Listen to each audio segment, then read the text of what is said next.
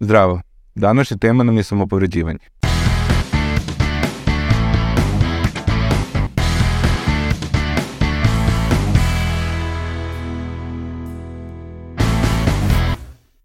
U današnjoj epizodi gost nam je Ana Radanović, psiholog koji ćemo prostiti to što je psiholog, koja je pre svega Sanjina i moja prijateljica, ali moram da naglasim da ona nije ovde zato što je moja prijateljica, nego je ovde zato što je jedna od, da kažem, najpametnijih osoba s kojima sam imao priliku da radim. Mi smo počeli u stvari da radimo zajedno na istraživačkom projektu jednom, gde sam ja bio impresioniran koliko ona vredna, inteligentna, odgovorna i uh, iz toga je u stvari preraslo naše i druženje i nakon toga smo počeli da radimo i na drugim istraživačkim stvarima gde sam ja uvek bio impresioniran svakom njenom stavom, svakom njenom a, komentarom gde uvek onako ono što kaže, to se zna da je tako, a, ne zaleće se, ne priča o stvarima koje ne zna, što je onako nešto što mi ovde želimo da kažemo u podcastu da gajimo.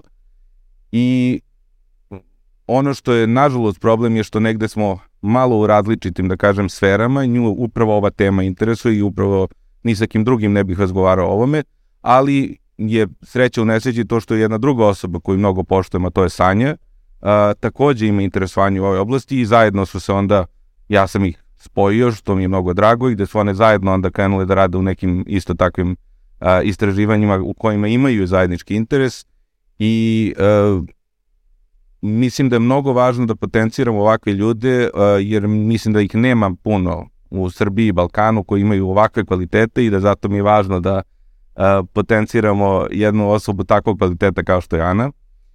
A, I čim smo uopšte krenuli s idejom da pravimo ovaj podcast, nama je, uh, moja prva asocijacija bila zovemo Anu. Ja kažem, malo ljudi poštujem profesionalno toliko koliko nju poštujem, uh, ali kad sam je zvao, ja nisam ni rekao da počinjem podcast, nisam ni rekao s kim ja te rekao da dođeš u podcast, ona je rekla ne, ne volim da učestvam u time. Ja sam rekao, a šta ako je sa mnom i sa, sa njom? E, onda mogu da razmislim. E sad, ja bi time pokrenuo da te pitam uh, zašto, zašto ti prvi bio odgovor ne i zašto nisi želela da učestvuješ, da pričaš bilo gde o ovoj temi? E, prvo, hvala ti na ovako emotivnoj najavi. Uh, no pressure at all. Um, I hvala vam što ste me zvali i čao svima i od mene. Uh, prva stvar je što ja generalno ne volim da učestvujem u emisijama, to moram da kažem. A, a druga stvar je što je samo povređivanje dosta m, E, nekako emotivno teška tema i o tome bi trebalo govoriti dosta oprezno. Tako da to zbog toga je nekako moj prvi impuls bio da ipak preskočim. U, u, pred porođaj, takođe. Moram to da kažem. Milutin i Sanja su jedini ljudi uh, ovaj, kojima ne bih odbila ovo uh, pred porođaj. Tako da E, I, rekla si mi, I rekla si mi da moramo da naglasimo nešto uh, pre nego što E, tako je. Htela bih da kažem da ni jedan od ova dva razloga koje sam pomenula nije dovoljno dobar e, da se o ovoj temi ne bi govorilo. Ovo je jako važna tema. Um, nije dovoljno zastupljena čak ni u naučnoj javnosti kod nas u odnosu na to koliko je zastupljena um, u inostranstvu.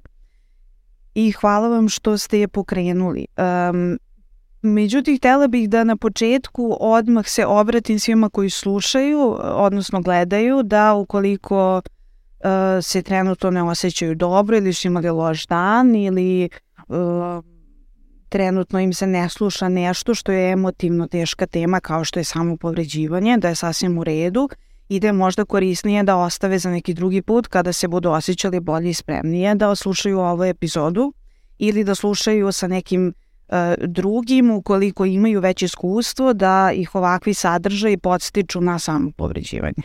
Sanja i ti si vrlo zainteresovan za ovu temu, isto si već i sa mnom sarađuješ oko toga i meni je, ja sad sam dugačak i veliki uvod napravio, između oslog zato što ću ja najmanje, malo za promenu, najmanje pričati ovde, najmanje o ovoj temi znam i sa dve osobe sam koje mnogo više o ovome, Bogu hvala, znaju od mene. I uh, interesuje me sad Evo da krenem, zašto tebe interesuje ova tema?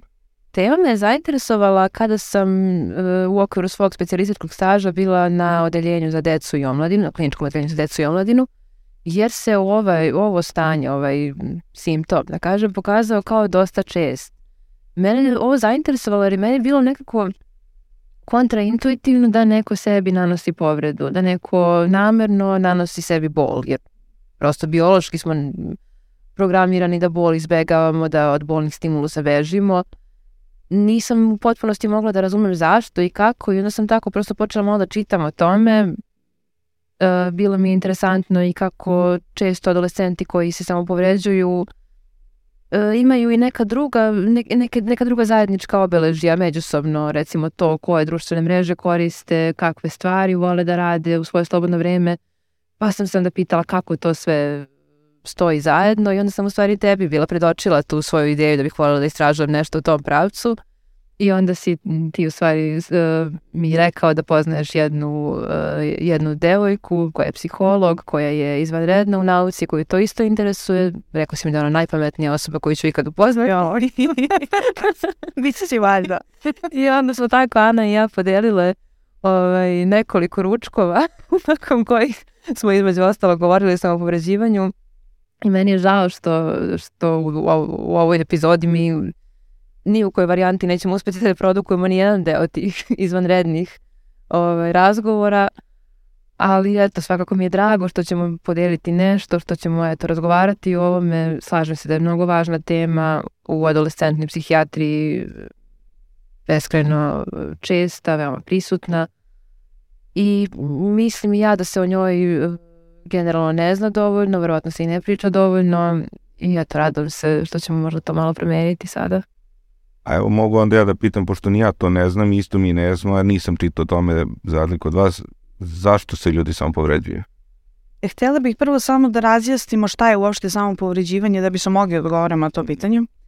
E, s obzirom da postoji jedna zbrka u literaturi oko tih termina, samo povređivanje je jedan e, širok pojam, dakle jedan termin koji obuhvata mnogo nekih drugih grupa um, i samo povređivanje može biti znači i suicidalno, može biti i nesuicidalno.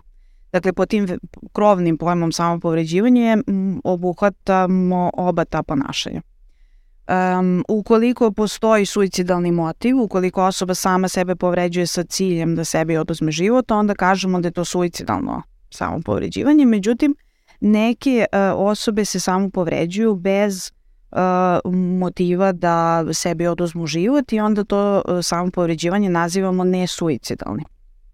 Međutim, čak i u okviru nesuicidalnog mi sad imamo neke dodatne grupe samo povređivanje, na primer neko se može samo povređivati tako što ne nanosi sebi fizičku povredu, ali nanosi sebi štetu, na primjer zloupotreba substancije.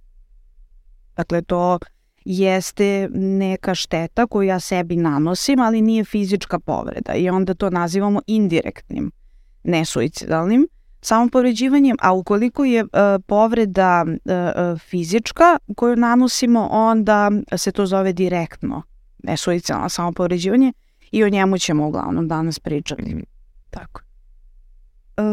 E sad, razlozi su, mogu biti različiti, ali uglavnom se svrstavaju u dve kategorije. E, I ta prva kategorija nekih um, unutrašnjih, da ih tako nazovemo razloga, se svodi na emocionalnu regulaciju. Na regulaciju afekta, na regulaciju emocija, kada uh, osjećam nešto jako intenzivno, pa pokušavam da na neki način E, se smirim ili kada ne osjećam ništa, pa pokušavam da osjetim nešto, to često kažu mladi kada ih pitam ovaj, za razloge. Ili recimo to samo kažnjavanje, takođe e, e, čest razlog u okviru te iste grupe, kada želim sebi da navodim jer mislim da sam to zaslužila. A postoji i potpuno druga grupa motiva koje se koji su u, u svojoj suštini socijalni motivi. Dakle, nekada e, na mladi kažu e, samo povređivala sam se zato što sam htela da se uklopim u svoju vršnjačku grupu jer se tamo neko još samo povređuje. Na primjer, to je jedan primjer tih socijalnih motiva, ali oni su dosta ređi. Ova prva grupa motiva je dosta učestala i uglavnom ako pitate, ako uzmete nekoliko adolescenta koji se samo povređuju i pitate ih zašto, e, najveći broj njih će pomenuti neki motiv iz ove prve grupe i najčešće će iza toga biti e, problem emocionalne regulacije. Dodala bih da ono što je možda, što čini stvari još kompleksnim je to što često uh, nije samo jedna uloga. Mm -hmm. U stvari, nije samo jedna i prepliću se, prepliće se i više uloga iz tog unutrašnjeg motiva i uloge iz ovog socijalnog motiva u različitim momentima i slično. Tako je. I zanimljivo je što se vremenom uh, ti motivi menjaju. Dakle, nije Uh, ako pitam sad i ako pitam za šest meseci, ako pitam za godinu dana, vrlo je moguće da će se tu pojaviti još neke motivi ili će se ti motivi, odnosno funkcije, odnosno razlozi, kako god ih zovemo, menjati. To je isto, to je isto jedna važna stvar kad, kad govorimo o razlozima. Ali bih htjela samo da se zadržimo ovaj, na, na toj emocionalnoj regulaciji, koja je jako važna. Ima dosta nekih teorija o samopovređivanju koje se suštinski baziraju na emocionalnoj regulaciji. I emocionalna regulacija jeste jedan od osnovnih korelata e, teškoća mentalnog zdravlja, ne samo samopovređivanja, nego i drugih. Depresija, anksioznost, e, ne znam, aleksitimija, šta god. Ovaj, nekako nam i istraživanja pokazuju da je jako važno da decu naučimo da regulišu emocije i e, da ih na taj način možemo opremiti jako bitnim alatima e, i da, da ih na neki način možemo i zaštititi i e, to je zapravo proces koji tokom odrastanja dete uči emocionalnu regulaciju preko koregulacije sa roditeljima, znači kao što kad je dete malo i kad mu kažem jesi gladan, jesi gladan, gde osjećaš da si gladan, ovde u stomaku, šta radimo kad smo gladni, jedemo. E tako isto i za emocijonu gladaću, sad si baš ljut. Baš si se naljutio, baš te naljutilo što ti je uzeo uh, igračku. Šta, šta možemo, gde osjećamo kad smo ljuti? ovde nam je crveni smo, toplo nam je, ruke nam se tresu, jesmo ta, zato je tako izgleda kad smo ljuti. E šta možemo da radimo kad smo ljuti? Evo mama, na primjer, kad je ljuta, ona uradi deset čučnju. Aj probaj da vidimo da li će da radi posao. Znači, e, to je, e, suštinski učimo decu od malena e, šta su, znači da identifikuju emocije i na koji način ih regulišu i kako da ih upotrebi. I to je nešto što je jako važno, jer um, adolescencija, ne znam kako ste vi adolescenciju imali, ja sam imala dosta turbulentu, ovaj, adolescencija je dosta težak period, sam po sebi. I nekako dosta se tu stvari dešava i hormonalne promene i socijalne promene i vršnjaci, vršnjačka grupa koji postaju bitni, kako sad tu, pa onda imamo roditelje, pa se menja porodična dinamika, pa moraju neke stvari tu da se promene i nekako dosta je promena i dosta je težak period i onda je jako važno da nekako adolescentima pružimo alate uh, da umeju da nauče u stvari da regulišu ta intenzivna osjećanja koja se često javljaju, što je čekio. A, a kako to? Uh, tako što ih, znači preko koregulacije od ranog razvoja, tako što im pokazujemo na koji način, po, pomažemo im da identifikuju emocije kod sebe i kod drugih i pružamo im neke funkcionalne mehanizme regulacije. A kako izgleda, da kažem, jedan tipičan primer, koliko god može da bude tipičan jednog adolescenta ili ne adolescenta, to si isto Ana u pripremi za emisiju pominjala da malo postoje određeni, određeni uh, kliše i kako ljudi misle da to izgleda, pa ćemo i to, ali ajde od prilike. Evo, Sanje, kako izgleda jedan Pa da, govorili smo o tome kako u stvari e, se često zanemaruju različiti načini samopovređivanja. Sad to ne treba biti mnogo slikovit, ali recimo i ono kada se neko u besu i u nekoj drugoj intenzivnoj emociji, kad neko udara, na primjer, pesnicom u sto, u zid, to isto jeste samopovređivanje. Ali uh, ono što se najčešće naziva samopovređivanjem od strane samog pacijenta jeste to neko ovaj, povređivanje oštrim predmetom i u stvari uh, to da adolescenti najčešće obrazlažu baš ovako kako je Ana opisala problem emocionalne regulacije kažu da se samo povređuju u momentima kada se osjećaju uh, često čak im, te, teško imenovati kako se osjećaju. Osjećaju se, kažu, loše, osjećaju se teško. Teško imenovati da li je to ljuto, tužno, da li je krivica, da li je to neprepoznavanje emocija. Neprepoznavanje emocija. Najčešće tako, osjećam se užasno, osjećam se da mi je jako teško ili e, kažu osjećam se prazno. I onda se samo i onda se povređujem da bih osetio ili osetila nešto. E, Znaš šta je do- dobar slikoviti prikaz e, sa nekoliko e, mladih sa kojima sam radila, sam pokušala da dođem isto kao i ti da bih, da bih ih bolje razumela. I onda sam ih pitala da li em, to možemo da povežemo sa onom scenom e, u Alisi, e, e, u Alisu u zemlji čuda Luisa Carola kada e, je ona postaje prevelika, a ona vratanca su mala. E, i oni su mi rekli da, da, to je to kao dosta svega, ja kao treba da se svedeš na, na ovoliko. Znači, to je neka preplavljenost. Mm. Često, često se tako definiše i često se i u istraživanjima em, procenjuje koliko se oni osjećaju preplavljeno emocijama. To je, to je jako važno. A, a jel to kad kažu da su prazni, jel to isto možda neka vrsta emocionalne preplavljenosti? Jer ja sad imam eh, jednu onako ličnu priču gde sam kao tek klinički lekar a, i radio sam sa, sa jednom mladom pacijentkinjom koja je a, imala imala različite te probleme, isto emocionalne regulacije, ali to, ona, ona nije ovde bitna, ovde govorimo o sebi mesec dana smo radili vrlo intenzivno i ona se uh, rekla mi da se super osjeća, ja sam još bio mlad, neiskusan, puno sam vremena uložio u radu s njom i sećam se bio je nekakav, na primer, kraj, petak, kraj radne k- nedelje, uh, pred sam kraj ja sam već da idem kući i ona je došla i rekla možemo da razgovaramo, to je bilo davno. Možemo da razgovaramo, ja rekao pa hitno, pošto je bilo dobro, možemo u ponedeljak, nije problem, ona kaže pa možemo. Ja sam video onako malo strah u njenim očima, rekao nema veze, žurio sam nešto. I u ponedeljak kad sam došao, ja sam saznao da je ona imala, da je ona u stvari svih tih mesec dana krila tablete i da je imala pokušaj samoubistva.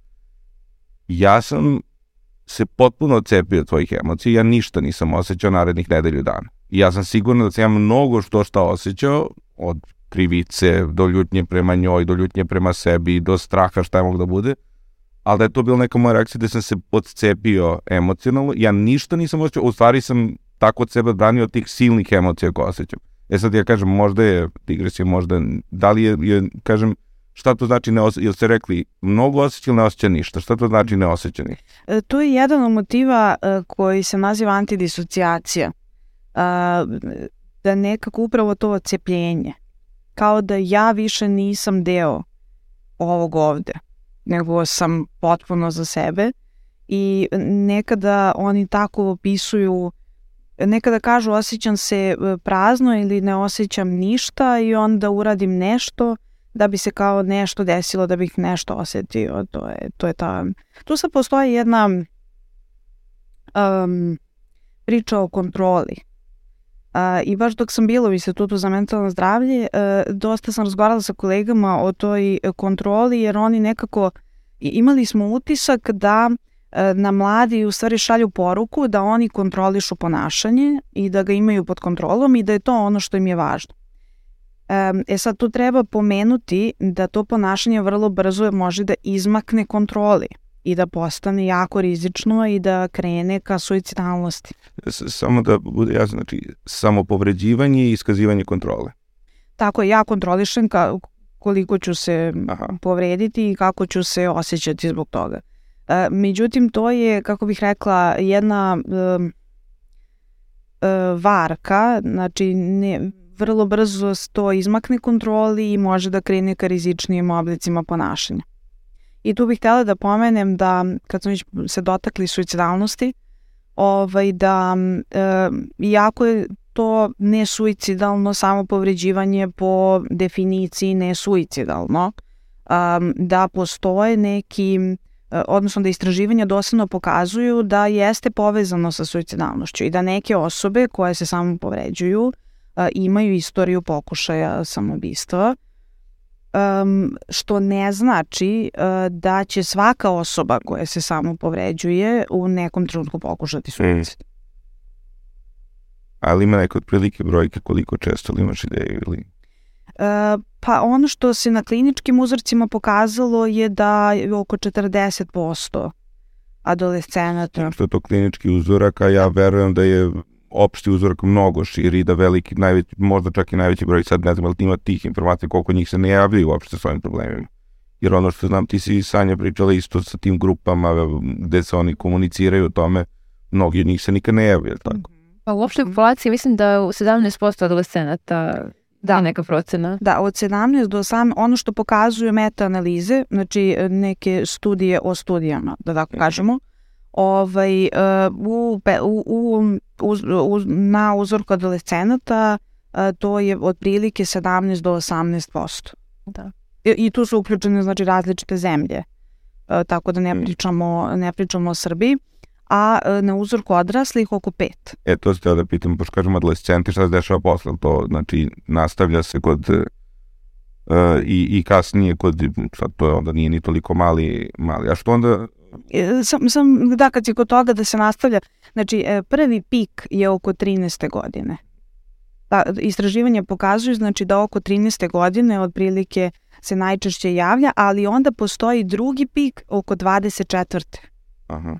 Tako da e, uzimamo i tu kasnu adolescenciju, dakle i to je e, Da, a da, da, bude, da bude jasno, adolescencija je negde 15 do 25 mi računamo, ali tako? E, kako, gde, znači negde i od 11. Da, ali Aha. dakle da, pošto je nekako ja iz Uh, verujem da mnogi zamišljaju adolescenciju kao tinejdžerski dobu, ne, to je duže, to je znači i 25 i ovo se isto računa adolescentom i kad kažemo odrasli, to je preko 25 godina. Tako je. No. Moram da kažem da ovako uh, klinički deluje, sad to je onako potpuno anegdotalno, anegdotalni dokaz, ali klinički to jeste ponašanje koje je vezano za mlađe adolescente, mm -hmm. nekako 13, 14, 15 godina, jako redko kasnije, 18, 19 na primjer. U principu, um, da, u principu ono što sam pomenula o adolescenciji e, kao jednom od najtežih perioda kroz koji prolazimo, um, upravo zbog mnogo tih promena, nesnalaženja, e, loše emocionalne regulacije, um, nedovoljno podrške od strane raznih sistema, uh, kasnog prepoznavanja problema, uh, nekako adolescenti um, posežu za uh, nekim disfunkcionalnim strategijama emocionalne regulacije kao što Eh, je samo povređivanje, ali je važno da znamo da eh, se samo povređivanje može registrovati i u nekom odraslom dobu i nekom kasnom dobu, kao što se može registrovati i pre 11. godine. Dakle, ima istraživanja koje, koje su pokazala da eh, već na uzrastu od oko 6 godina se može registrovati epizode samopovređivanja. Meni je bilo zanimljivo u stvari pitanje uh kako, uh, kako se uopšte inicijalno javi ta ideja da se neko samo povređuje? Imamo, ok, imamo teškoće emocionalne regulacije. Uh, postoje neki biološki razlozi zašto samo povređivanje zapravo i donese neko privremeno olakšanje, ali mene recimo mnogo interesovalo ako neko prvi put dođe na ideju da uh, lošu, loše stanje, neku tešku, neku teško raspoloženje razviješi na taj način. To je super pitanje. Uh, jedan od najnovijih modela uh, psiholoških samopovređivanja, model benefit i barijera, um, upravo govori o tome šta nekako štiti adolescenta od toga da ne uđe u takvo ponašanje. I jedan od uh, tih faktora je um, informisanost o samopovređivanju. Ako nisam informisana o tome da uopšte to mogu da probam, neću ni probati. I sad tu dolazimo do, to je samo jedan od E, jedna od barijera i sad tu dolazimo i do priče medija, mm. interneta. Ovo s početka i što si sama rekla sa tim otporom što si bilo uopšte da se priča o ovome jer način može da, i što smo negde i pričali, da ne smemo da ulazimo u specijalne onako slikovite detalje jer mogu da imaju više štete nego koriste. Tako je, meni je recimo bilo dosta važno kad smo se dogovarali da tu sad ne iskaču neke slike povreda, da ne pričamo o tome previše slikovito, zato što to mogu budu okidači i slično, a na internetu ima toga. Mm. I recimo, uh, jedan od vodećih autora koji se bavi uh, nesuicidnim samopovređivanjem i internetom, um, Steven Lewis, um, uradili, uradio je sa koautorima dosta nekih uh, različitih studija, ali su analizirali sadržaje koje su nalazili na internetu, na sajtovima i tako dalje. I neki uh, zaključci njihovi su da informacije koje se mogu naći na tim uh, sajtovima zapravo nisu nekog visokog kvaliteta i da se tu uvek provuče neki mit o samom povređivanju. Šta, šta? Koji nije tačan. Jel imaš neki primjer da nam daš? Da, šta bi bio mit to samo povređivanje? Na primjer, ono što je meni e, jako zanimljivo i sa Sanjom sam nekoliko puta pričala o tome, e, to je ta ideja da su e, ljudi koji se samo povređivaju manipulativni i da to rade da bi privukli pažnju. I meni kad roditelji dođu sa tom pričom, on to radi da bi uh, privukao pažnju ili uh, meni u inat ili tako nešto. Uh, ja se zamislim zajedno sa njima, čekajte, zamislite dete od 13-14 godina koje nema drugi način. Mm. Šta je ono se pokušalo pa nije uspelo pa je na kraju došlo do ovoga. Ajde da vidimo, znači, mislim da je mnogo korisniji način da e, razmišljamo o tome da dete mobiliše resurse sredine. Dakle, ne privlači pažnju u cilju manipulacije, nego privlači pažnju u cilju mobilizacije resursa. Kao, je ljudi, meni je teško, ne znam šta da radim, kao treba mi pomoć. Znači, da. to je, to je komunikacija e, problema zapravo. I svako ponašanje adolescenata, dece i odraslih je na neki način komunikacija. Tako da to je jedan od mitova koji onako može da bude, koji nije koristan prosto ni za dete ni za porodicu. Sad, imamo dve važne teme koje moramo, dakle imamo važnu temu interneta i samopoveđenja, ali ovo što si rekla mislim da je najvažnija tema uopšte danas, a to je kako porodica reaguje. Ne reaguje, mislim da na koji dana pretpostavljam da će najviše, eventualno ako i neko sluša, biti porodica, manje sami, sami, e, same osobe koje to rade. I sad, meni je to onako uh, užasno važan jedan aspekt, kako porodica da reaguje ili kako šta da rade kada se to desi. I kako mi kao lekari, ili ja sam vidio nekad i lekare da onako, meni na primjer dešavalo se u dnevnoj bolnici da neko nešto uradi sebi i onda onako s, sa strahom pa odu kažu sestri, neće meni da se plašte da ću ja da ih prebacim na odeljenje. I onda s jedne strane mi imamo to uh, ne treba da kao pa nema veze, a s druge strane ide da ne bori jao šta si uradio? I, i odmah neko osuđivanje. Tako ja sad razmišljam, ali evo interesuje me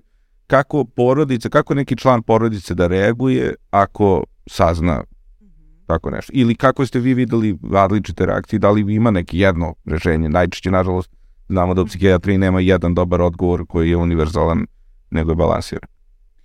Um, samo povređivanje je nešto što se dešava u kontekstu kao i ostale teškoće mentalnog zdravlja. E, dakle, jako je važno da pričamo o sistemima, porodičnom sistemu, sistemu obrazovanja, sistemu zdravstva, znači o svim sistemima u kojima e, na kraju e, koji mogu da pomognu i da pruže podršku. E, roditelji, on, ono što istraživanja pokazuju, rađene su kvalitativne studije, znači ljudi su pitali, istraživači su pitali roditelji da im opišu njihove prve reakcije osjećanja, kako su reagovali i slično. Ono što istraživanja pokazuje da su roditelji najčešće jako uplašeni, da su u šoku. Um, mladi često, i to isto je pokazano da um, zapravo češće se obraćaju neformalnim izvorima nego formalnim. Formalni izvori bi bili stručnici koji se vam mentalni zdravlja. Tako da... A neformalni? Neformalni vršnjaci, na primjer. Vršnjaci su prvi obično najučestalije se obraćaju vršnjacima, odnosno otkrivaju uh, da, da se samo povređuju vršnjacima. E, roditelji su dakle najpre u šoku i e, u strahu i nekako isto kao ovo što je Sanja rekla, to je isto bio moj prvi e, utisak kad sam se susrela sa povređivanjem i mentalno zdravlje, um, ja ovo ne razumem. Meni ovo intuitivno nije zašto bi neko sebi nanosio bol? I, na, i on, kakva sam ja psiholog kada ovo ne mogu da razumem. Tako sam počela time se bavim. Tako da ja razumem roditelje, nekako i njima je to strano i njima je to šok i ne umeju da se snađu uvek u tim situacijama jer su uplašeni i ne razumeju ponašanje. Dakle, um, ono što sugerišemo roditeljima je da pokušaju da što smirenije odreaguju. Jer ako je roditelj uznemiren i počne da paniči i zašto, zašto ona zamislite ovo dete preko puta njega koje je reklo i, i sad i ono nesnađeno i niko sad tu ne može da spusti tenziju. Dakle, najkorisnije je da nekako e, probamo da tome priđemo uz podršku razumevanja i što smirenije. Iako to nekad nije lako roditeljima, ja to razumem, to treba reći. Ali um, meni je potrebno, ako se samo povređam, da mi tata ne kaže e, aj nemoj da dramiš, nije ti ništa. To je takozvana emocionalna invalidacija, da neko minimizira moje osjećanja.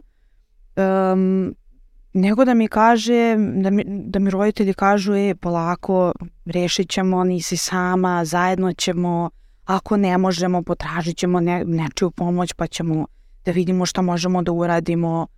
Znači, nekako, e, jako je važno poslati poruku, um, zabrinuta sam, e, važno mi je da te razume, da hoćeš sa mnom da, da podeliš šta se dešava i kako se osjećaš da nekako pošaljemo tu poruku, važno mi je da te razumem, hoću da te podržim, pomozi mi da shvatim, potražit ćemo pomoć. Ja sam isto mnogo razmišljala o ovoj temi i stvarno roditelji relativno često imaju neke tako nespretne reakcije. One deluju grubo, deluju napadački, a u stvari mislim da su prvenstveno nespretne. I ja sam uhvatila sebe kako zauzimam nekad taj neki kao vrednostni stav, eto, kako oni reaguju, a dete, dete to je teško. Ali stvarno e, zamišljam koliko je teško iz ugla roditelja saznati tako nešto. Mislim da je strašno teško i možda se iskontrolisati. Mm -hmm, mm -hmm. Ali opet možda je važno da gledamo e, da ove, više planiramo stvari na duge staze. Ok, prva reakcija je takva kakva jeste, nekako čini mi se i ovaj, mnogo više emotivna nego razumna. Ali, ali je mnogo važno kakav savez napravimo na kraju krajeva i kako, kako oni razumevanje steknu tada i kasnije. Kažem, eto, n- mislim, prosto nisam roditelj, niti mogu zamislim iz ugla roditelja kako je saznati jed- jednu takvu informaciju da je dete toliko nesrećno da, da samo sebi nanosi povrede, ali zaista, budem iskrena, stvarno zvuči jako teško za, za podneti, za, za stvariste. I treba razumeti te roditelje nekako i oni dođu uh, uh, i oni su došli po pomoć. Mislim, mi njih obično poznamo kad dođu po pomoć. I oni su ljudi svesni da, da im je potrebno da im neko pomogne. Znači, njih treba e, saslušati, pustiti ih, malo se proventiliraju, to su teške stvari nekako i za roditelje. I uh, iako je ta prva reakcija često, kako si ti baš, baš super našla reč, nespretna, E, kasnije e, e, nekako često radimo na tome da deca razumeju, da im roditelji kažu, je, reagovala sam nespretno, izvini, nisam, nisam se snašla. Evo sada učimo da reagujemo bolje. Nekako, to, to pravi dobar, prvo šaljemo deci poruka je ok je da se izviniš kad imaš neku neprimjerenu reakciju i kad neko povrediš, um, a drugo nekako pružamo im ruku. Da. Tu smo, nismo, niko nije idealan roditelj, to, to je nemoguće, ali tu smo da, da budemo bolji roditelji. I pravi se savez u stvari između roditelja. Tako je. deteta. I roditelji nekad čisto imaju um, tu reakciju kakav li sam ja roditelj kada moje dete ovo radi. Da. I nekako zaboravljaju da um, ne utiču samo oni na svoje dete. Dakle, na to dete utiče i neka socijalna sredina, znači neki vršnjaci, neka škola, neka država gde dete živi, znači dosta stvari utiče na, ja često radim s roditeljima na tome da ih podsjetim da vi niste jedini faktor koji Mhm. utiče na razvoj vaše dece. I niste, prosto ni, nešto vam je promaklo ili vam nije promaklo, znači prosto ne treba težiti tome, treba težiti tome da budemo dobri roditelji, ali nema savršenog roditelja, Mhm. tu smo da učimo kako nam deca rastu. I savr, savršen roditelj je opet nesavršen zato što daje nerealnu sliku svom detetu o tome kako jedan čovjek može da bude, tako da je to kvaka 22. I jako je važno uh, da roditelji su najbolji psiholozi svom uh, detetu. Tako da važno je da to imaju na umu. Dakle, ja sam sada reagovala nespretno, ali mogu da naučim kako da budem korisnija svom detetu. Meni se mnogo dopadala jedna poenta, u stvari tvoje mentorke iz sa instituta za mentalno zdravlje. O, ona je govorila adolescentima, uh, vi tek učite da budete adolescenti, ali ne zaboravite da i vaši roditelji tek uče da budu roditelji adolescenata. Tako je. Mm. Adolescenti nekako čekuju da roditelji znaju šta rade, a roditelji su do tad bili samo roditelji malog deteta. Tako je, ja sam od Jelene Kirćanski, o, ovaj, Jelene Roslavije Kirćanski naučila upravo da problem posmatram a, unutar sistema i to je jako važno, dakle da, da nekako razumemo da i da mladi razumeju da nisu sami Mm. i da su tu neki sistemi koji mogu da im pomogu. Škola takođe.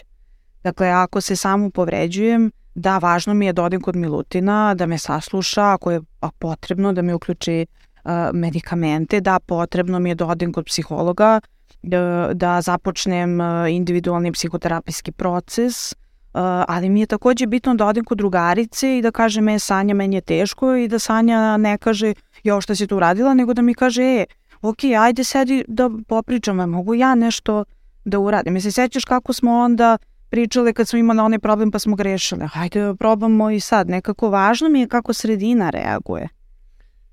E, Sanja, ti sad si u dnevnoj bolnici za adolescente i baš me interesuje da li ti primećuješ u tim nekim stavima, da li vidiš interakcije vršnjaka povodom tog pitanja, da li nekad pomažu, da li nekad odmažu jedni drugima, da li kako to izgleda i možemo tu da se vratimo i uopšte šta od vršnjaka na, na internetu saznaju ti povodom.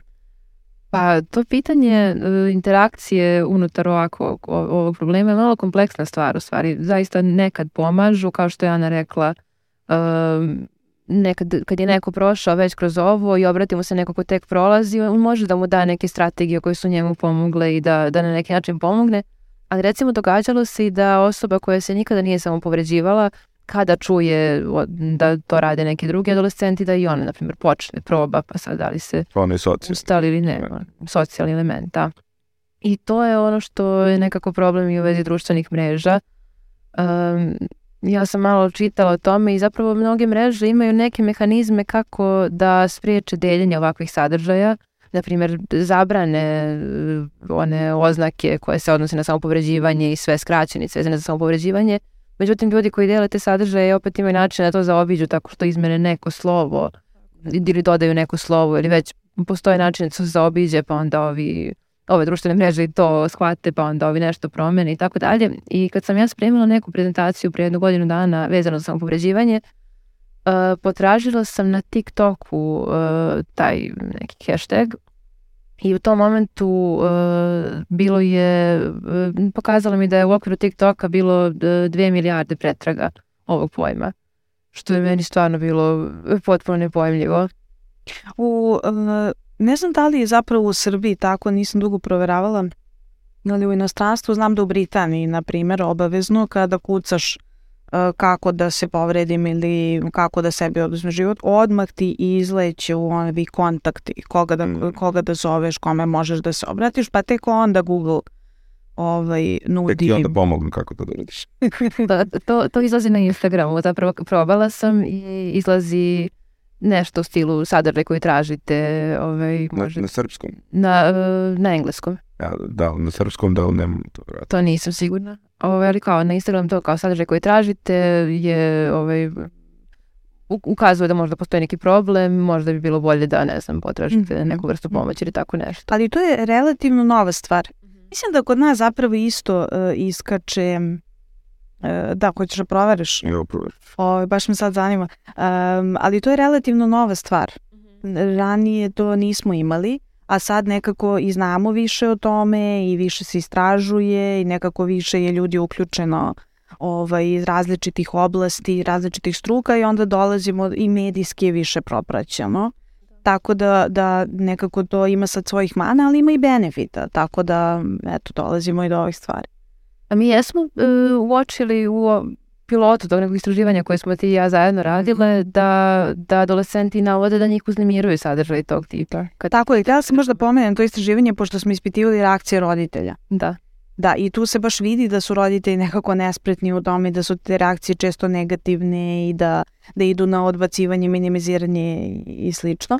A da, vidi se i da, da njih ponekad i sadržaju uznem, da. Uznemiravanje.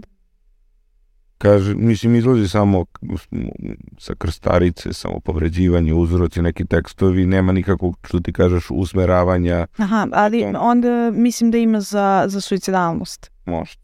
Tako da, da. Da, nismo znači napredovali do... A da li, da li samo povređivanje, da li ima pokazatelja da samo povređivanje epidemiološki kod zemlje sad raste ili je to neka relativno stabilna kategorija? To je super pitanje na koje uopšte nemam pouzdan odgovor. E, zašto? Zato što neka istraživanja pokazuju tendenciju rasta, neka pokazuju da se ono smanjuje, postoji neka longitudna studija o tome, a e, neka, neka istraživanja pokazuju da je trend relativno e, miran. Znači pojma nema. Znači pojma nema. Da, pitanje, e, sad je to malo više isto kao sa, ne isto, ali slično kao sa autizmom. Da li imamo porast mm. E, e, dijagnoza autizma zato što je sada više znamo o tome, imamo bolje diagnostičke neke kriterijume ili zaista imamo više mm. dece. E, to je sad problem, e, e, na samom povređivanje je mnogo više medijski propraćeno mm. poslednjih godina, čak i kod nas. Uh, I onda je pitanje da li, je, da li samo dospeva u fokus, pa mi imamo utisak da ga ima sve više ili ga zaista ima više. Ili se zbog toga češće onda možda i jave, što isto da, da se to prosto... Je to isto mislim da je strašno važno naglasiti da nije svako samo poveđivanje, ono što ti naglasila, neće svako naravno da ide u, u bravcu suicida, ali i veliki broj njih se samo regulišu, nekom trenutku neko prođe kroz fazu i ti često se ne jave, zato smo rekli da je klinički uzorak nešto drugačije od opšteg uzorka i ogromne su variacije od toga da će neko svaki dan možda nešto sebi da radi do nekoga ko možda jednom u x meseci. Tako da to nije homogen, da kažem, koncept uh, kao takav. Da i nekada je potrebno uh, ja sam imala, uh, radila sam sa nekim adolescentima da smo za dva meseca završi, zaokružili terapijski proces i da je sve bilo mm. u redu I to su obično bili neki motivi koji nisu uključivali, znači neki motivi, na primjer, da to isto mladi često kažu, bilo mi je dosadno. A, a nekada taj terapijski proces traje duže, pa uključimo porodicu, pa uključimo nekad vršnjake, znači i sve individualno, zavisi. Dobro, i e sad u jednom trenutku ti Sanja rekla kako uh, roditelji mogu pomisliti, na primjer, kako je moje dete tako nesrećno kad tako nešto radi, A mene prvo interesuje da li je nužno svako dete, adolescent, odrasli koji to rade, da li su nesrećni ili to samo možda i trenutak samo regulacija da van toga mogu da budu zadovoljni, da li neki impulsivan događaj ili postoji uvek nešto dublje. I drugo pitanje koje me interesuje šta onda raditi? Dođe nam neko ko nešto tako radi, šta, šta mi kao stručnjaci da kažem, ajde, rekli smo porodice, šta treba manje više da radi, šta mi treba da radimo? To su dva ogromna pitanja. Hajde da počnemo od ovog prvog. Um, ima jedan rad autora koji se zove Klonski, uh, koji se dosta bavi ovom temom i on recimo razlikuje uh, četiri grupe osoba koje se samo povređuju i postoji ta jedna prva grupa koju on naziva eksperimentalnom i to je u stvari možda ovo što, što si ti hteo da ilustruješ, da to ne mora da znači neko, neko dublje stanje i neko kronično stanje. Znači postoji ta jedna grupa koja to nešto proba, koja nema praktično simptome i znake bilo koje druge bolesti, e, bilo kog drugog e, psihijatrijskog stanja. I ta grupa se zapravo ne smatra naročito rizičnom, ona nekako može da se prati. Uh, sledeća grupa ima nešto učestalije samopovređivanje i može da ima neki subklinički nivo uh, drugih simptoma, a treća i četvrta grupa se smatraju dosta rizičnijom i ozbiljnijom e, populacijom i ove grupe pokazuju češće samopovređivanje, povrede su teže, često zahtevaju i medicinsku obradu. I upravo je ova četvrta grupa u stvari grupa koja je e, smatra ovaj rad u najvećem riziku od pokušaja samoubistva. I to je grupa koja se dominantno povređuje iz, e, iz unutrašnjih razloga ono što je Ana rekla, znači ne, ona, ta, ta grupa se gotovo nikad ne povređuje u svrhu samoregulacije, nego iz unutrašnjih razloga, ali e, karakteristično je po tome što se to samopovređivanje najčešće ne dešava impulsivno, ne dešava se u naletu loše emocije, e, van nekako kontrole, nego se dešava praktično e, kao jedan ustanovljeni e, ritual, nešto što je onako e, usvojeno, usvojen način regulisanja svojih emocija i dešava se čak i mimo nekog jakog afekta. A šta, šta su to unutrašnji razlozi? Unutrašnji razlozi su ono što je Ana objašnjavala, e, razlozi koji nema, nema veze s komunikacijom sa drugima, nego su samo vezani za to da ja e, osjećam neku tešku emociju i želim da se ona ublaži ili ne osjećam ništa pa želim da dobijem neki, neki dobar osjećaj, na primjer. A je li tu ide i krivica ili ne? To se isto pomenula nekada osjećaj krivice kao da možda bude.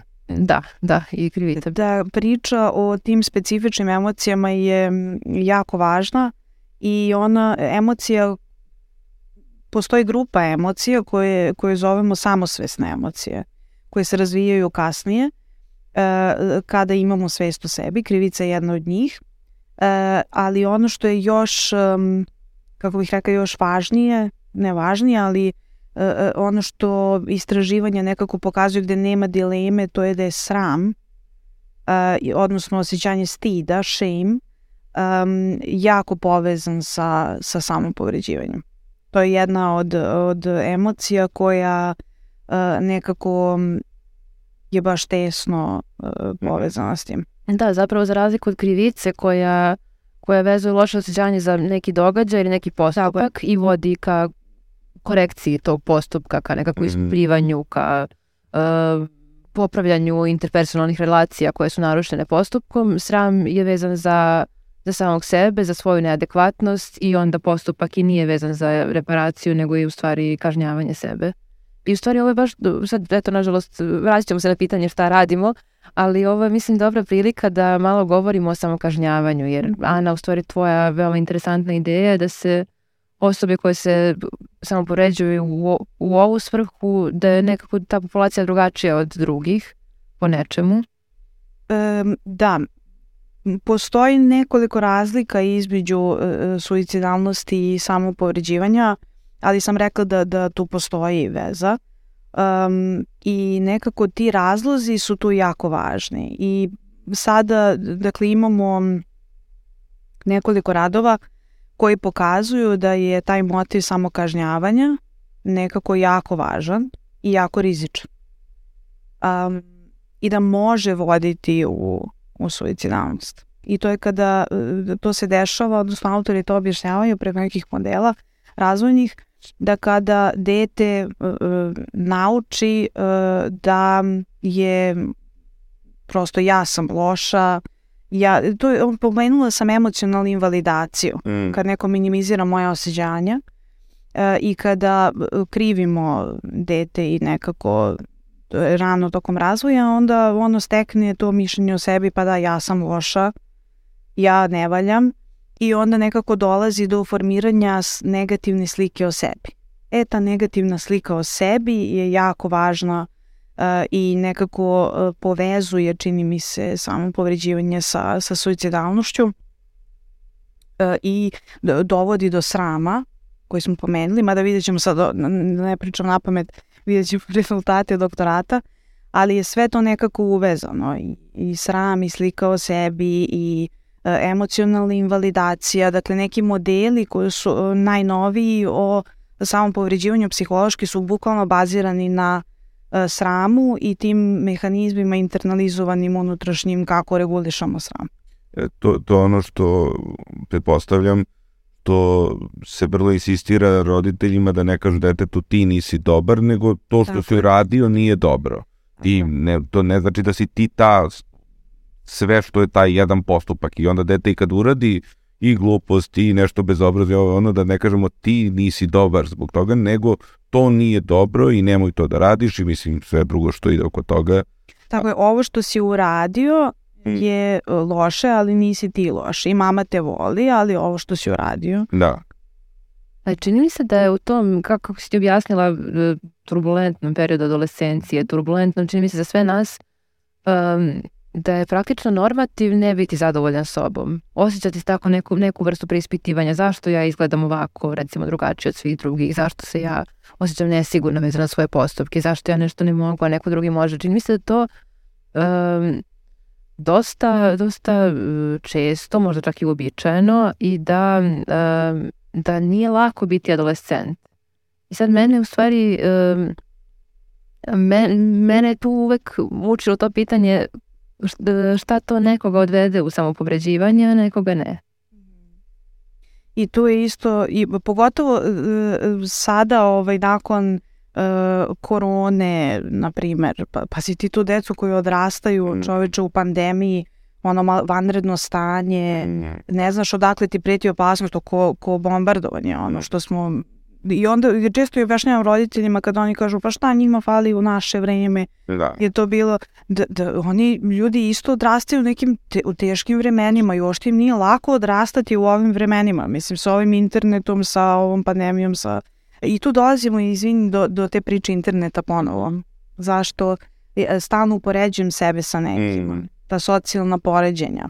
Tako je. Da li ono što vidim na internetu je realnost ili je neka slika koju drugi ljudi žele da predstave, kako to razumem, kako to doživljavam, gde sam ja u odnosu na to. I to je, to je mnogo važno, ono što si rekla, zato što e, je važno da naglasimo da ovo nije samo, znači za samopovređivanje nemamo možda nužno sve jasne podatke, ali za mnoge druge stvari imamo jasne podatke u mnogim zapadnim zemljama da mnoge stanja su u porastu iz sfere metalnog zdravlja, od depresivnosti, anksioznosti, uh, u Americi znam da su samoubistva kod adolescenata u, Mhm. u, u značajnom porastu. Dakle, uh, mi možemo sad da pogledamo šta njima fali, ali nešto im fali. I ja nisam siguran tačno šta im fali, ali definitivno je danas biti adolescent mnogo teže nego u moje vreme ili još u, u ovim stvari. Zato što nije samo u tome, e pa imaš, ne znam, kompjuter, telefon, ovo sad, to su nekako tehničke stvari. Ali nekad taj dubinski deo je izgleda sve, sve krnji i sve slabiji i negde ta suštinska podrška, socijalna podrška, čini mi se da je da zaista, zaista imamo na, u zapadnom svetu, makar za sada, imamo dosta onako živopisne podatke koji govore u prilog da tu nešto počinje ozbiljno da, da, da, se, da, da je problem. I da li tu internet, to je sad diskutabilno, Da. ali Da, ne, ne znam da li je njima teže, ali im je definitivno drugačije nego što je bilo nama, nego što je bilo tebi. E, sad ispada da ste ne znam koliko stariji od nas. se ne može. Uh, ali definitivno im je drugačije uh, i definitivno je potrebno da se potrudimo da bolje razumemo na koji način drugačije.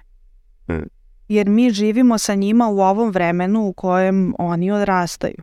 I važno je da razumemo uh, na koji način je njima drugačije odrastati nego što je nama bilo. Tako da ja lično mislim da im je teže, ali mogu da, da prihvatim da da to možda- je individualno, znaš, taj subjektivni osjećaj. koliko- govorimo da. u, u globa, ali u globalu zaista mislim da im je teže, kažem je zaista imamo uh, vrlo, vrlo jasne pokazatelje određenih porasta određenih stanja koje kažem e sad moguće da sam ja i samo onaj starac Mnogo koji- informacija, definitivno mnogo više informacija, oni su preplavljeni uh, uh, sad informacijama sa svih strana i od tih informacija i ja nekad ne znam Mhm.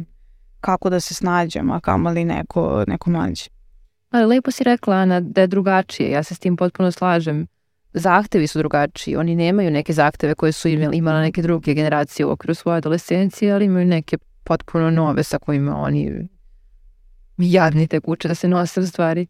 A, ovaj, a ja se slažem da i mi nekako to treba da, da pokušamo da, da razumemo.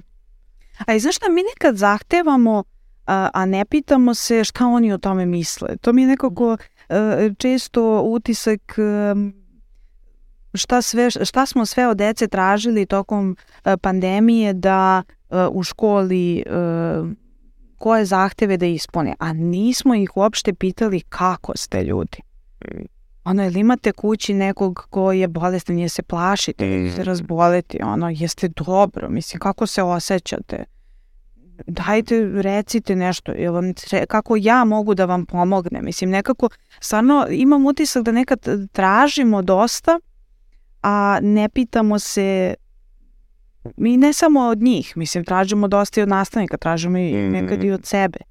Tako da mislim da je to važno zastati malo, pogotovo sa adolescentima i pitati njih. Ja slažem to, ja mislim da su oni tokom pandemije u velikoj meri, mislim slažem s tobom, ja lično mislim da su oni čak u određenim aspektima i na neki način žrtvovani, gde se ti gaš razmišljalo samo o brojkama, broja zaraženih ovog onoga, a šira slika zaista jednog uopštenog zdravlja kao takvog, gde i mentalno zdravlje je potpuno zanemarena, jer odvojiti adolescenta na x meseci od svojih vršnjaka koji su u tom trenutku, da smo rekli, mnogo važni, je zatvoriti kuću sa roditeljima koji su sami sa sobom izvezumljeni, svi smo mi, ja sam roditelj, mislim da je onako bilo u mnogo čemu nepromišljeno i zaista bilo je priče kako ćemo sa starijima, kako ćemo sa ovima, kako ćemo sa onima. Za adolescente nije bilo, nego prosto eto vratit će se u školu kad bude trebalo, do tad nešto online i ceo taj aspekt je potpuno uh, otaljan do mere koja mislim da je neprihvatljiva. A, a pazi, sad digresiramo, ali uh, moram da pomenem, mi smo radili um, istraživanje tokom pandemije baš sa adolescentima uh, i sa roditeljima i recimo ima dosta tu podataka, ali pitali smo ih između ostaloga čega se najviše plašite.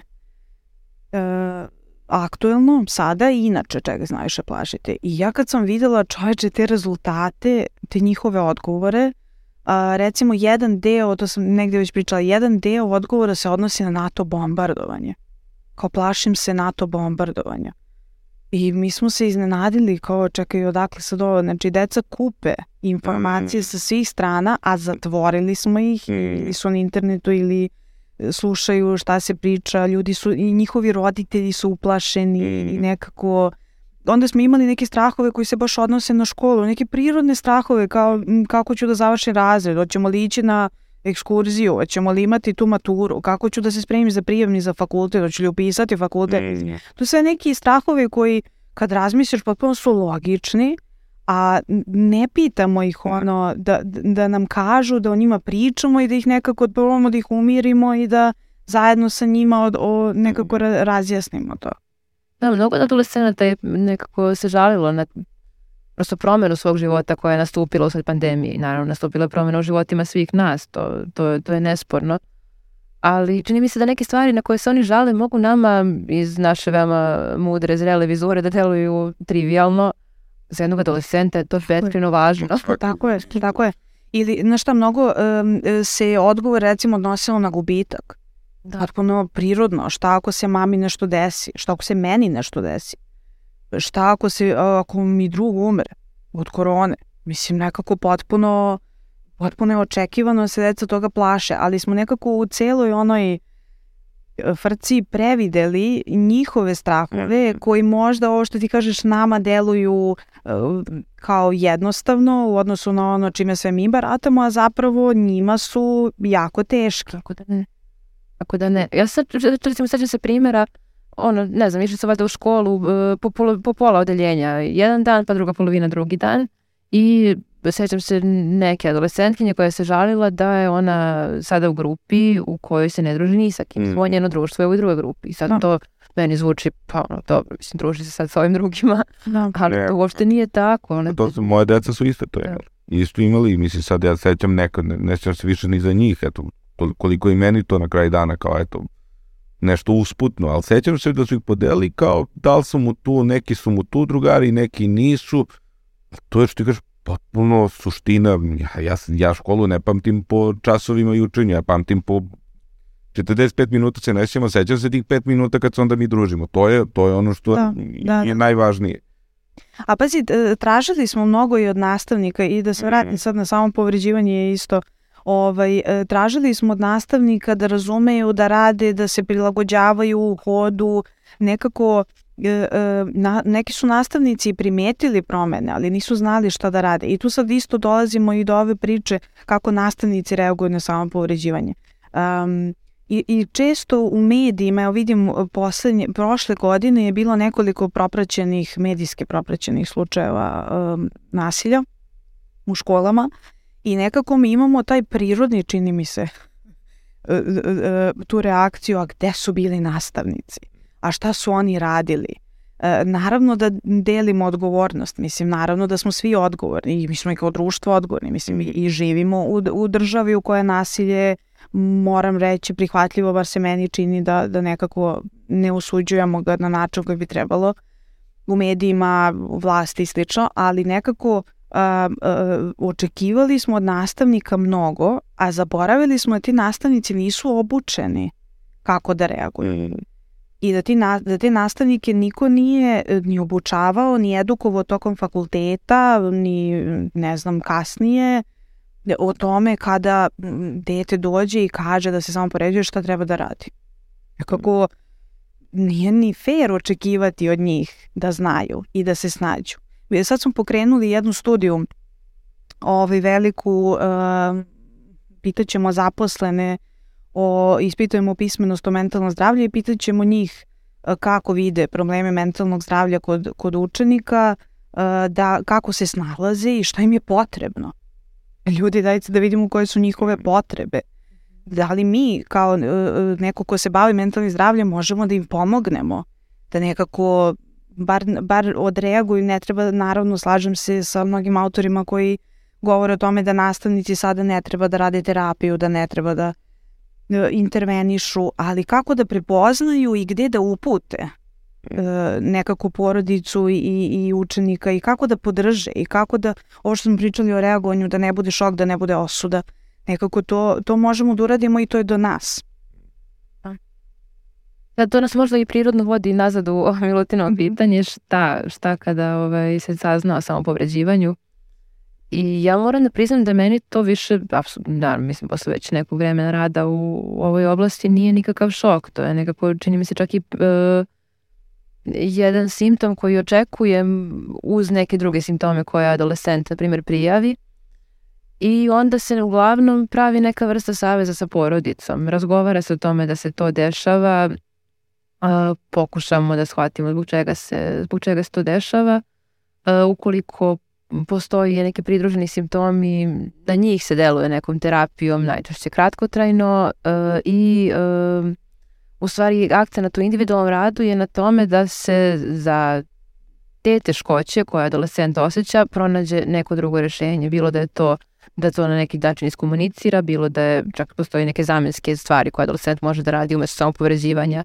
Ne znam koliko je to evidence-based, ali se radi recimo da uzme kockicu leda da se otopi u ruci umesto da se povredi. Neke manje invazivne. Neki manje, ili da pocepa papir ili da udara pesnicom u jastuk. To opet jeste na neki način ovaj, da kažem, agresivno ovaj, pražnjenje, ali nije, nije ne škodi samom sebi.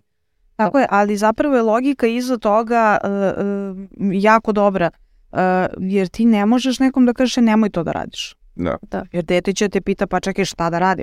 Da. Znači, kad mu kažeš nemoj to da radiš, možeš da mu daš neku alternativu. Tako je. Nemoj to da radiš, ali ajde da probamo sa ovim. Ili kad bih hteo to da radiš, ajde da nekako nađemo nešto što neće e, što ti neće naneti takvu povredu. Tako da zapravo je to e, logika iza da oni imaju neku alternativu. Da, da imaju neki, neki instrument u da. rukama da. koji može da im pomogne u datom trenutku, ali u svakom slučaju jeste cilj negde da oni sami razumeju kakve situacije u to uvode, kakve razmišljanja o datim situacijama, kakve osjećanja i znači, na kraju je to ponašanje koje ima određene posledice i to sad stvara jedan začarani krug u to ponašanje održava. Da se razume čitav taj sled događaja i da se vidi na kom nivou u stvari stvari mogu da se promene i da se onda, da se zapravo ovo izbegne. Ali čak i od samih adolescenata učimo. Zapravo uh, jedna adolescentkinja, na primjer, imala a, neku mobilnu aplikaciju koja je brojala dane od poslednjih samopovređivanja i ona je bila jako motivišuća, recimo ne znam, imala je 100 dana od poslednjih samopovređivanja i prosto nije želela da mora da resetuje aplikaciju. Tako da i od njih puno učimo i oni sami često nađu neke načine da, da sebi pomogu. A, a koliko su često motivisani, pošto znam da je inače to uvek pitanje, uh, da li se dešava da neko dođe i sad kažu da, ali meni to odgovara i ne želim da se to ispravi, nego prosto meni to prije i kako u tim, šta, da li, mislim, to je gotovo onda nemoguće, ali kako pristupiti tada? Da li se u osnovu to dešava? Dešava se, dešava se da, da pored tih teškoća koje adolescent ima, da smatra da je ovo jedan za njega prihvatljiv način razrešenja tih osjećanja, ali opet mi radimo na tome da da se razumemo da to ipak nije dobro rešenje, da je to nešto što, što ne unapređuje emocionalnu pismenost, što ne unapređuje interpersonalne veštine, što na kraju krajeva stvara i ožiljke i što nije što je možda zarazumljivo zašto on radi, ali za njega nije korisno. Da, ja sam se susrela sa malim brojem uh, mladih u institutu za mentalno zdravlje koji su mi odgovorili odlično na to pitanje da li bi prestao. Um, ali jeste kod njih nekako uh, izazov uh, motivisati ih i na neki način im dokazati, ubediti ih da to nije uh, dugoročno dobro rešenje. I na tome se isto radi dugo na razne načine. Mm. Ali je važno, uh, sad da se nadovežem, uh, ono što se radi uh, od psihoterapijskih intervencija uh, je najpre taj terapijski dogovor, ugovor. Mi često nekad sa, sa mladima i potpisujemo ugovor da, Mhm. da se neće samo povređivati dok traje proces, to nam je jako važno. Mhm. Jer suština procesa terapijskog nije samo povređivanje. Mhm. Znači, nama jeste cilj kad započnemo proces da oni prestanu da se samo povređuju, naravno. Mhm. Znači, fizički integritet i e, psihički integritet pacijenta je uvek na prvom mestu. Ali e, čim nekako e, to uspemo, onda se fokusiramo na druge stvari. Znači, fokusiramo se na to ko sam ja, e, kako vidim sebe, e, ko, ko su ljudi oko mene, moja budućnost, šta osjećam, kako regulišem to što osjećam. Znači, to je fokus. A jel, jel se to radi prvo ili jel, mislim, ja neko zamišljam da ne možemo mi da, da se baviš odmah samo, e, nemoj se povrediti i to, nekako mi to ide ruku pod ruku ili ne, ne znam. Da, da, ide, samo što je jako važno, znači prvo napraviti sa adolescentima taj e, terapijski savez dobar. I to je jedna od čari rada sa mladima, ovaj, da nekako se upoznajemo, da e, nam veruju, da, da nekako stvorimo to poverenje koje je za terapijski proces od velike važnosti e, i da onda prosto se s njima dogovorimo kako ćemo raditi, ali m, prekid, samo povređivanje i ove alternative jesu nešto što se prvo, Mm. e, prvo radi. E sad ja Da, pretpostavljam, izvini, da, htela sam samo da kažem, ako, ako mogu za te psihoterapijske intervencije, da se, da postoji, da istraživanja pokazuju da e, su najefikasnije intervencije trenutno psihoterapijske, neke koje su specifično e, osmišljene za samopovređivanje. Znači, postoji grupna terapija e, e, emocionalne regulacije koja je baš fokusirana na samopovređivanje Mhm. i onda ovaj, e, se s adolescentima baš radi na tim e, e, funkcionalnim strategijama regulacije emocija i takođe je pokazano da je uh, dialectical behavior therapy Mhm. uh, jako To je efikasan. kod graničan, ili tako beše? Pa da, ali ne mora. Mislim, ni- nije, s- samo koristi se i Mm. kod e, drugih stanja. Ovaj, tako da e, je, da, ona se bazira na ovom biopsihosocijalnom modelu uzročnosti, e, tako da ima dosta nekih terapijskih intervencija koje, e, za koje je pokazano da zaista imaju efekta. Naravno koriste se i ovi modaliteti, sve više se koristi i taj sistemski pristup e, porodična terapija Da u nekom trenutku se uključuje porodica, pa se radi porodično, ali to sad zavisi od e, terapijske orijentacije terapeuta i modaliteta. I individualno na kraju. Nekad prosto primetimo da određeno e, da određenoj osobi ne prija neki pristup. Mm. Da promenimo pristup. Da, Radimo još drugo. da, to ja uvek kad me pacijent pitaju koju, nevezano za ovo, za bilo koje drugo stanje, depresija ili tako dalje, koju psihoterapiju, kako su zainteresovani, ja im isto, ja lično verujem ono Dodo Bird, Dodo Bird verdict, tica Dodo, da manje više svaka psihoterapija ima svoju vrednost kad je dobar psihoterapeut i kad se napraviš ti kažeš savez, sve može da pomogne, sigurno da postoje neke male varijacije, ali mislim da nisu suštinske koliko sam čovek, a sam čovek je potpuno individualno koliko će da ti legne. I nije to samo čini do pristupa, mislim, ja sam imao pacijente kojima sam u razgovorima mnogo pomogao, a, a, jako nisam psihoterapeut, ali kroz rad, a drugima nisam prio. I to je okej, to je ljudska jedna komponenta Tako od je. koje ne može se pobegne. Tako i uvek e, na kraju mi uvek kažemo ako vam nešto ne prija ili prosto vam ne odgovara, recite, preporučit ćemo nekog ili... Mislim, e, to i jeste pokazano da je terapijski odnos e, bitniji od modaliteta. To je ovo Dodo Bird verdict, kako nisi bio jasan, da, to je Da. stara teza da je upravo to da je svi su pobednici, sve su jednako efikasne vrste psihoterapije, samo je važan upravo taj empatski odnos psihoterapeuta i, i Tako, od, tako. s tim što neki se s tim odmah da se ogadimo, neki se s tim ne tlažu. i Da, sad sam htjela da kažem. Da, da, ali ono što nam istraživanja pokazuju e, kod samopovređivanja jeste da su neke terapijske intervencije prosto efikasnije. E, takođe ove intervencije koje su e, ovaj, usmerene na mindfulness isto nekako su se pokazale efikasni, tako da um, važno je da budemo kao terapeuti otvoreni za e, različite pristupe Mm. i da e, koristimo intervencije u skladu sa e, onim što prija ljudima sa kojima radimo. Mm. A, a lekovi? E, lekovi se daju povremeno. Sad, sad moram malo da proširim priču, ali u stvari e, redko kad se samopovređivanje javlja izolovano. Samopovređivanje se Mhm. gotovo uvek javlja pridruženo sa nečim drugim, sa nekim bilo poremećajem raspoloženja, bilo poremećajem kontrole impulsa, bilo ovaj, raznim nekim drugim simptomima i e, ono što je najčešće cilj lekova jeste da e, ukoliko je problem gorući, pacijent u datom trenutku ostane bezbedan.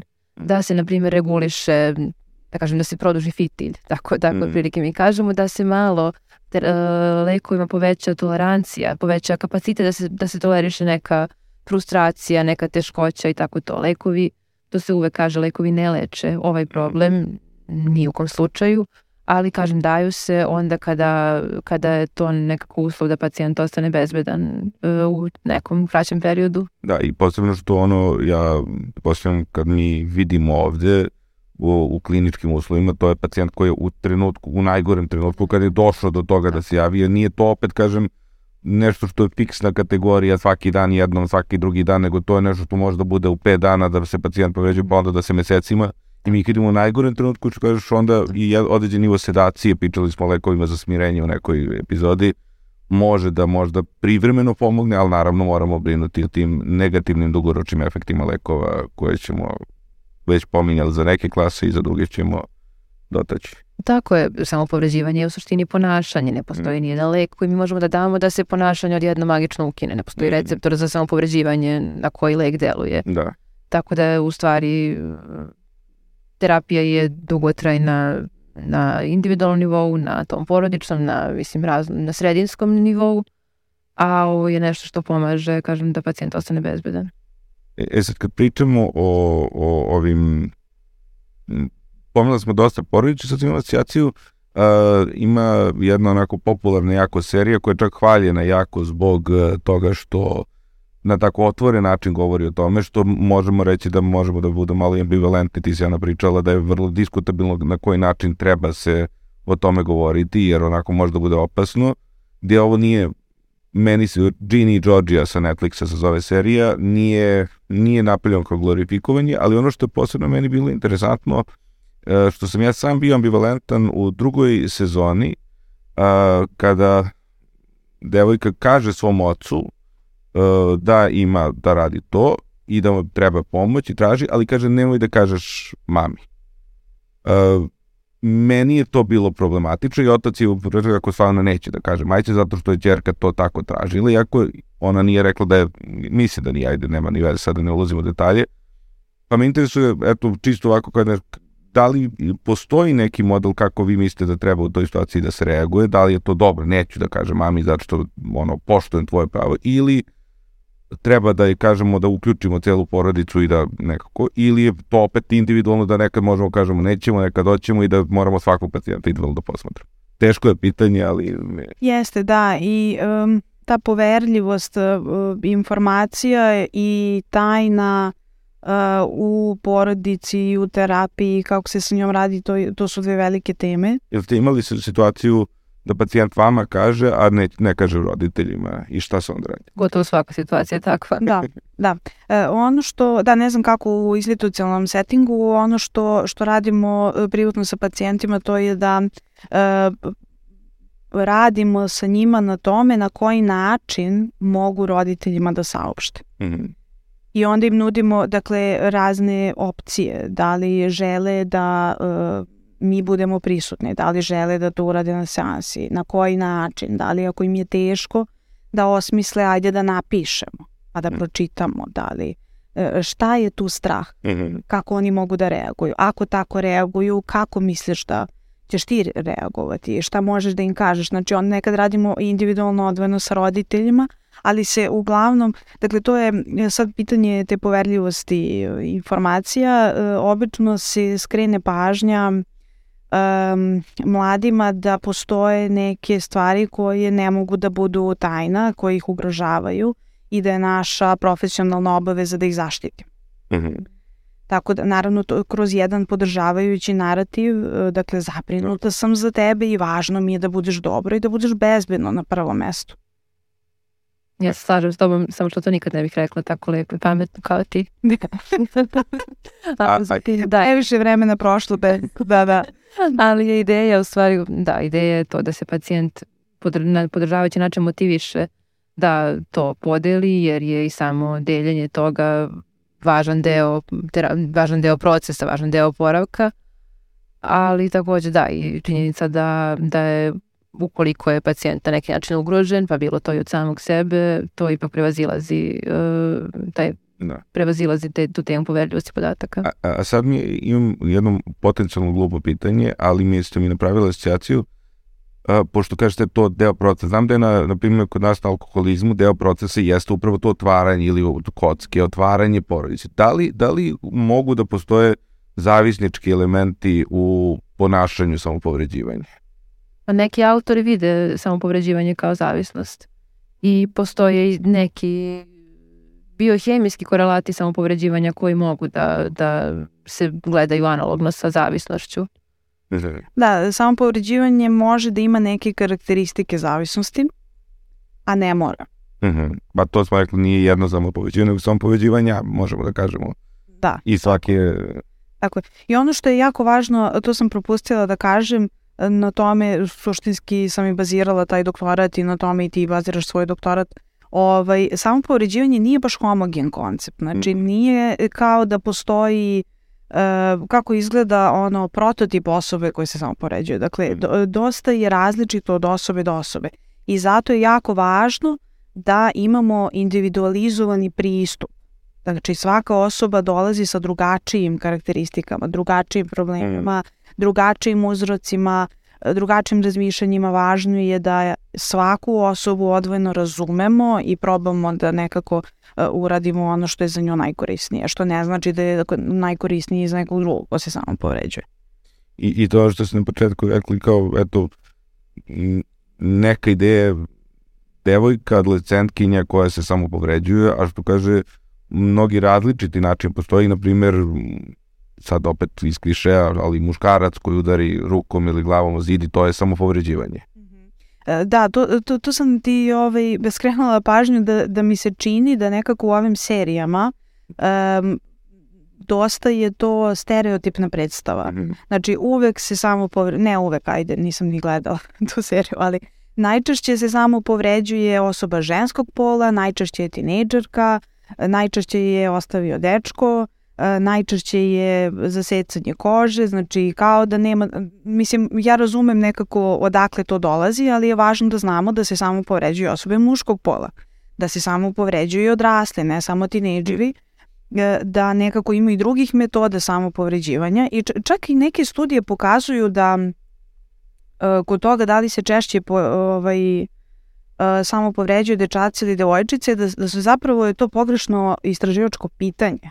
Da zapravo treba postavimo pitanje um, po čemu se razlikuje samo povređivanje kod dečaka i kod devojčica, pa smo onda dobili neke nalaze da se razlikuje u metodama, drugačiji su oblici, pa se onda razlikuju u tome koji se predeli tela mm -hmm. povređuju, pa se onda razlikuje, znači, ima, ima tu dosta razlika i to je sad nekako dosta važno da, da se kaže kada pričamo o samom povređivanju, jer imam utisak, to je samo moj utisak, ali imam nekako doživljaj da se, da se samo povređivanje često prikazuje kao ženska stvar, mm -hmm. a nije.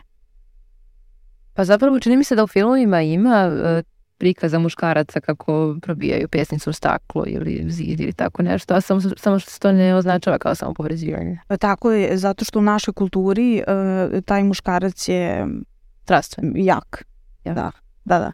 Pa- A zami, zamisli onda taj pritisak koji pravimo na dečake uh, u tom periodu turbulentnom, kad uh, nekako i dalje to što on radi nije ništa loše i on nema problem sa besom i njemu uopšte ne treba sad uh, pristupiti kao e, aj probamo neke druge uh, načine da regulišeš taj bes, nego mu pristupamo kao da super ti si baš mačo muškarac, tako da i tu je dosta važno pitanje kulture.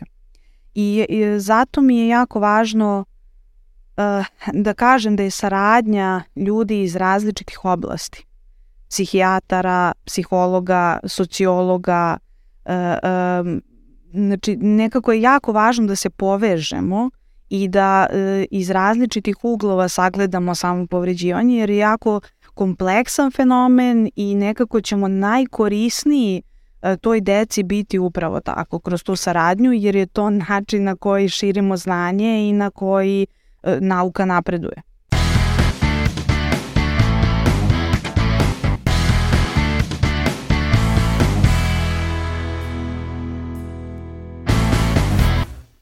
Sad kad si pomenuo e, ove serije na Netflixu, Ovi, setila sam se da e, ima jako lepih animiranih e, filmova za decu a, koji govore na divan način o emocijama i generalno mentalnom zdravlju. E, I htela bih da preporučim roditeljima e, da odgledaju sa decom, a boga mi i sami. E, film Inside Out, ne znam da li ste gledali, to sam ti pominjala u Ma, stvari. gledaju kako ja, ja i supruga plačemo, deca nas gledaju i zašto plačemo. Njima je zabavno, a mi se raspadamo.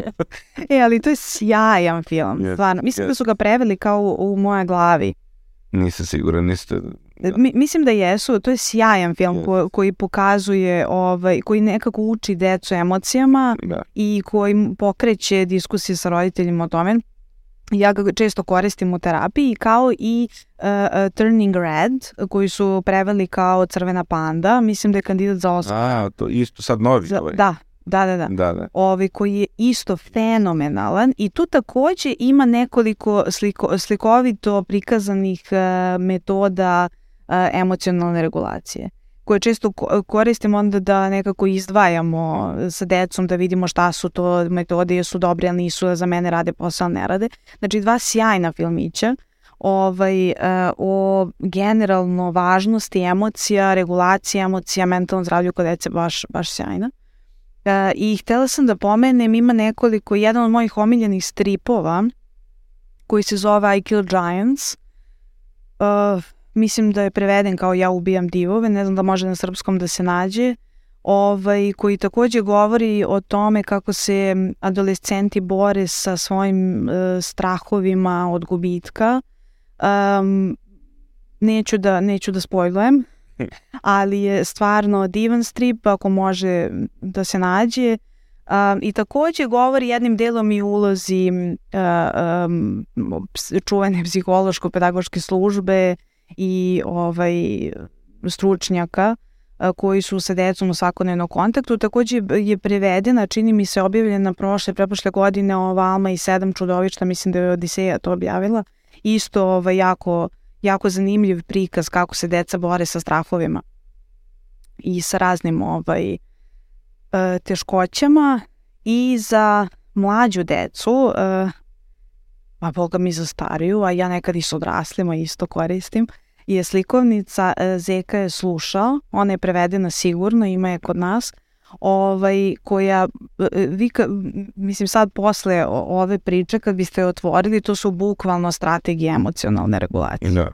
samo prilagođeno deci sa divnim ilustracijama, tako da to je isto jako, jako ovaj, super da se koristi sa decom kad pričamo o emocijama i o tome ovaj, kako ih reguliš.